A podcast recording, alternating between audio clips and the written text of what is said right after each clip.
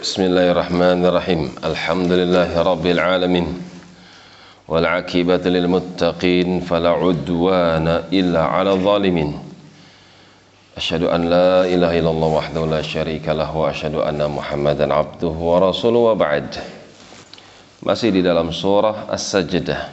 Sampai pada firmannya. Dhalika alimul ghaibi wa syahadah.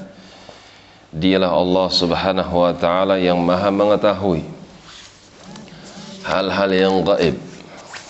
Hal-hal yang gaib sebelum terjadi ketika terjadi dan apa yang akan terjadi. Wasyahadah demikian pula apa yang dipersaksikan. Al-Aziz. Dia maha perkasa. Tidak ada satupun yang sanggup mengalahkannya. Ar-Rahim. Yang merahmati hamba-hambanya. Alladhi ahsana kulla syai'in khalaqah. Dialah Allah Subhanahu wa taala yang paling terbaik di dalam penciptaan segala sesuatu. Di antara sekian makhluk yang paling terbaik yang Allah ciptakan adalah manusia. Wa bada'a khalqal insani min tin. Dan Allah Subhanahu wa taala mengawali ciptaan mereka manusia dari tin dari tanah yang berlumpur tanah yang dikumpulkan dari semacam atau dari seluruh macam tanah baik yang kuning, baik yang coklat, baik yang merah maupun yang hitam dan juga putih semua dicampur sehingga keturunan Adam pun warna kulitnya berbeda-beda.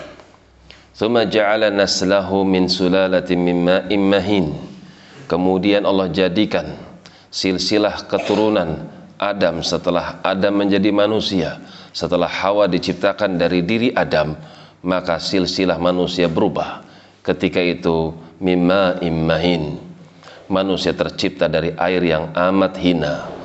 Keluar dari sesuatu yang hina, masuk dari sesuatu yang hina dan keluar lagi dari sesuatu yang hina itulah manusia akan tapi yang hina tersebut ketika telah dimuliakan oleh Allah dengan adanya fikiran dengan adanya akal fikiran yang kemudian akal fikiran tersebut diberikan kemuliaan dengan Allah turunkan padanya kitab kemudian Allah utus padanya rasul akan tapi yang hina tersebut justru lari daripada Tuhannya.